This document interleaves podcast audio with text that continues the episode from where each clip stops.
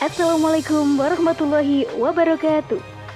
Hai sobat, balik lagi di podcast Narasi Pos Media.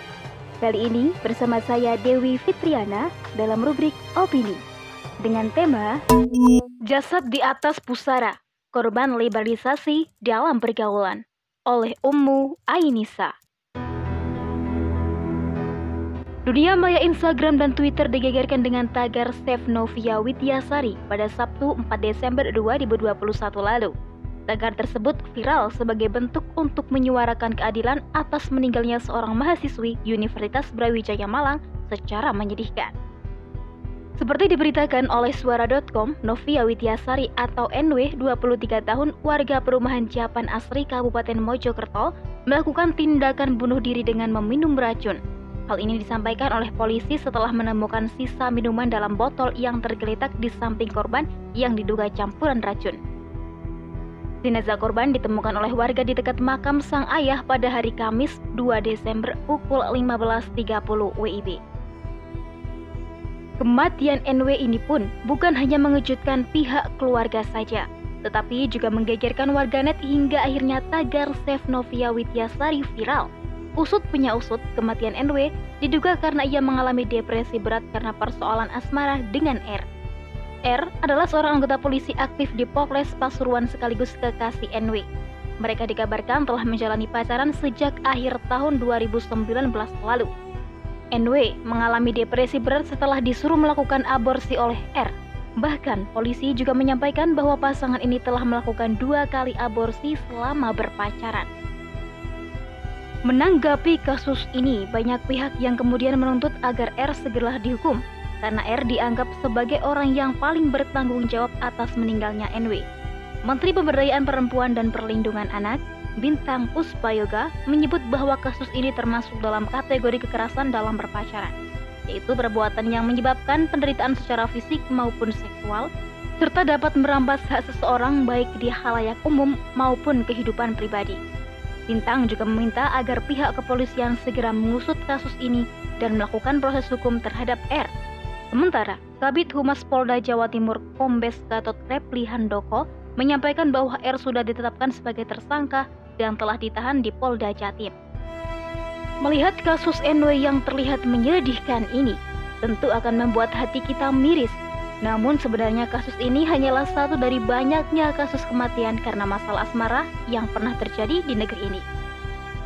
Sebelumnya pernah terjadi juga kasus-kasus yang serupa yang juga telah menghilangkan nyawa. Seperti kasus yang menimpa seorang remaja 14 tahun yang ditemukan tewas di lapangan voli Dusun Bolorejo, Kecamatan Guroh, Kabupaten Kediri, Jawa Timur, telah dipaksa oleh sang kekasih 15 tahun untuk meminum jamu yang telah dicampur dengan racun. Hal ini dilakukan lantaran sangat lelaki merasa bingung setelah diberitahu sang kekasih bahwa dirinya sedang hamil. Sebelumnya, pada Agustus 2021 lalu, seorang pemuda berinisial HR 20 tahun juga tega menghabisi nyawa kekasihnya DA 19 tahun telah mendengar pengakuan dari sang kekasih bahwa dirinya sedang hamil 6 bulan. Korban dibunuh di hotel yang kemudian jasad yang dibuang di Tanggul Sungai Wulan, Desa Mijen, Kecamatan Mijen, Kabupaten Demak, Jawa Tengah. Dari berbagai deretan kasus asmara yang berujung dengan hilangnya nyawa pasangan tersebut, seharusnya tidak cukup bagi kita untuk menganggap bahwa hal ini semata-mata hanyalah kasus kekerasan yang dialami oleh perempuan saat berpacaran. Akan tetapi seharusnya kita melihat lebih jauh lagi akar masalah semua kejadian ini, yang tidak lain karena sistem liberalisme yang diterapkan di negeri ini. Sistem ini nyata-nyata telah merusak perilaku generasi, bukan hanya generasi laki-laki, akan tetapi juga generasi perempuan. Kebebasan dalam pergaulan membuat pemuda dan pemudi tidak lagi ada jarak dalam berinteraksi. Kurangnya benteng keimanan membuat perempuan tidak lagi punya rasa malu untuk memperlihatkan aurat mereka di hadapan orang yang bukan mahramnya. Begitu juga jika tidak ada pengawasan dan pengasuhan yang benar dari orang tua mengenai pergaulan yang benar dengan lawan jenis, remaja akan semakin bebas dalam pergaulannya tanpa diawasi oleh keluarga. Ditambah lagi, abainya kontrol orang-orang sekitar semakin mempertontonkan bahwa pergaulan yang tidak islami ini dianggap sebagai hal yang sudah biasa. Begitulah gambaran pergaulan saat ini yang tidak diatur dengan sistem pergaulan yang benar yang sesuai dengan wahyu yang berasal dari ilahi, yang pengatur kehidupan. Yang tentunya ini sudah sangat jauh berbeda dengan sistem pergaulan di dalam Islam. Islam adalah pandangan hidup yang sempurna. Islam tidak akan membiarkan satupun aspek kehidupan berjalan tanpa petunjuknya, termasuk interaksi antara pria dan wanita dalam pergaulannya agar tidak terjerumus dalam kebinasaan karena mengikuti hawa nafsu semata dan akal yang bersifat terbatas. Di dalam Islam, pergaulan pria dan wanita sangat dibatasi, mulai dari cara berpakaian yang tidak boleh menampakkan auratnya di hadapan orang yang bukan mahramnya, kewajiban untuk menundukkan pandangan dan juga larangan untuk berkholwat atau berdua-duaan maupun ikhtilat atau campur baur tanpa ada alasan yang dibenarkan oleh syarak dan disertai mahram. Dari sinilah Islam juga melarang keras dalam hal-hal yang mendekati zina. Dalam Al-Quran Surat Al-Isra ayat 32, Allah subhanahu wa ta'ala berfirman yang artinya, Janganlah kamu mendekati zina, sesungguhnya zina adalah suatu perbuatan yang keji dan suatu jalan yang buruk. Sobat, dari ayat ini jelas bahwa mendekati zina saja sudah dilarang, apalagi jika sampai melakukan perbuatan zina. Maka Islam telah menetapkan aturan yang praktis untuk membuat jerah para pelaku zina tersebut namun demikian, sanksi tersebut tidak akan pernah bisa dilakukan oleh individu ataupun kelompok, melainkan hanya negara yang bisa menerapkannya, yaitu dengan penerapan syariat Islam secara kafah. Ada tiga pilar penerapan syariat Islam di dalam negara. Pertama, ketakwaan individu. Islam telah mendorong setiap muslim untuk selalu bertakwa kepada Allah Subhanahu wa taala.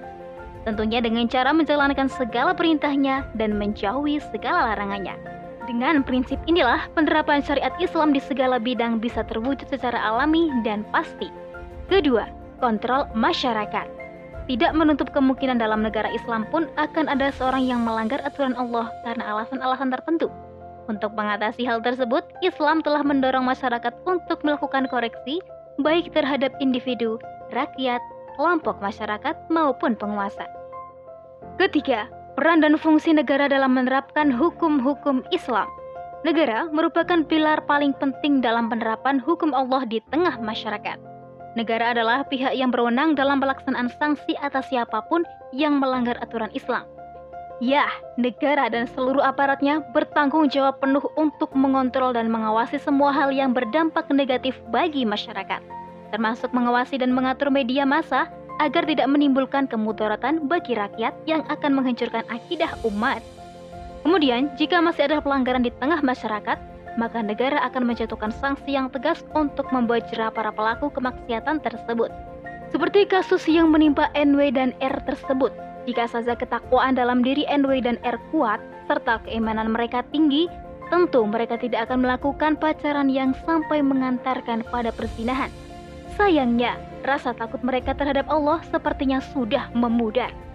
Jika hal itu tetap mereka lakukan, maka seharusnya ada kontrol atau nasihat dari orang-orang di sekelilingnya yang menyaksikan pergaulan mereka, termasuk orang tua. Seharusnya mereka tidak akan pernah membiarkan atau mengizinkan anak perempuannya dengan leluasa diantar atau dijemput oleh laki-laki yang belum menjadi mahram baginya. Juga masyarakat atau teman-teman yang tentunya tidak perlu lagi segan untuk menasehati karena mereka paham bahwa ini termasuk kewajiban amar ma'ruf nahi mungkar. Dan jika dengan adanya kontrol atau nasihat dari orang-orang terdekat, pelaku masih saja melakukan tindakan kriminal, maka kasus tersebut akan diserahkan kepada negara yang kemudian akan dijatuhi sanksi sesuai perbuatannya. Dalam kasus NW dan R ini sudah terlihat jelas masuk dalam tindakan perzinahan. Maka di dalam Islam, pezina yang belum menikah akan dijatuhi hukuman 100 cambukan dan diasingkan. Sementara bagi mereka yang sudah menikah akan dirajam sampai meninggal. Sanksi ini didasarkan pada firman Allah di dalam Al-Quran surat An-Nur ayat 2 yang artinya Perempuan yang berzina dan laki-laki yang berzina, maka deralah setiap-tiap seorang dari keduanya seratus kali dera. Dan janganlah rasa belas kasihan kepada keduanya mencegah kamu untuk menjalankan agama Allah. Sedangkan mengenai sanksi pengasingan, hal ini hukumnya adalah jais atau boleh, bukan wajib. Keputusan ini diserahkan kepada kepala negara atau khalifah, yang di mana khalifah bisa menjilid serta mengasingkan selama setahun. Bisa juga khalifah hanya menjilidnya saja tanpa mengasingkan pelaku. Akan tetapi, khalifah tidak boleh hanya mengasingkan pelaku pezinahan tanpa menjilidnya. Sebab jilid merupakan hukuman yang didasarkan pada kitabullah. Dari Ubadah bin Samit telah meriwayatkan bahwa Rasulullah SAW pernah bersabda, Ambillah dariku, ambillah dariku. Sungguh Allah akan menjadikan jalan bagi mereka. Dijaga dengan perawan jilid telah sebanyak 100 kali dan diasingkan selama satu tahun. Demikianlah, Islam mengatur pergaulan pria dan wanita agar tidak terjadi pergaulan bebas yang menuju perzinahan. Ketiga pilar tersebut akan menjamin keberhasilan penerapan syariat Islam Bila tiga pilar itu berjalan dan berfungsi secara optimal, maka hukum Allah akan dengan mudah bisa kembali diterapkan di tengah-tengah masyarakat. Wallahu alam bisawab. Demikian rubrik opini kali ini. Sampai jumpa di rubrik opini selanjutnya. Tentunya di podcast Narasi Pos, cerdas dalam literasi media, bijak menangkap peristiwa kunci.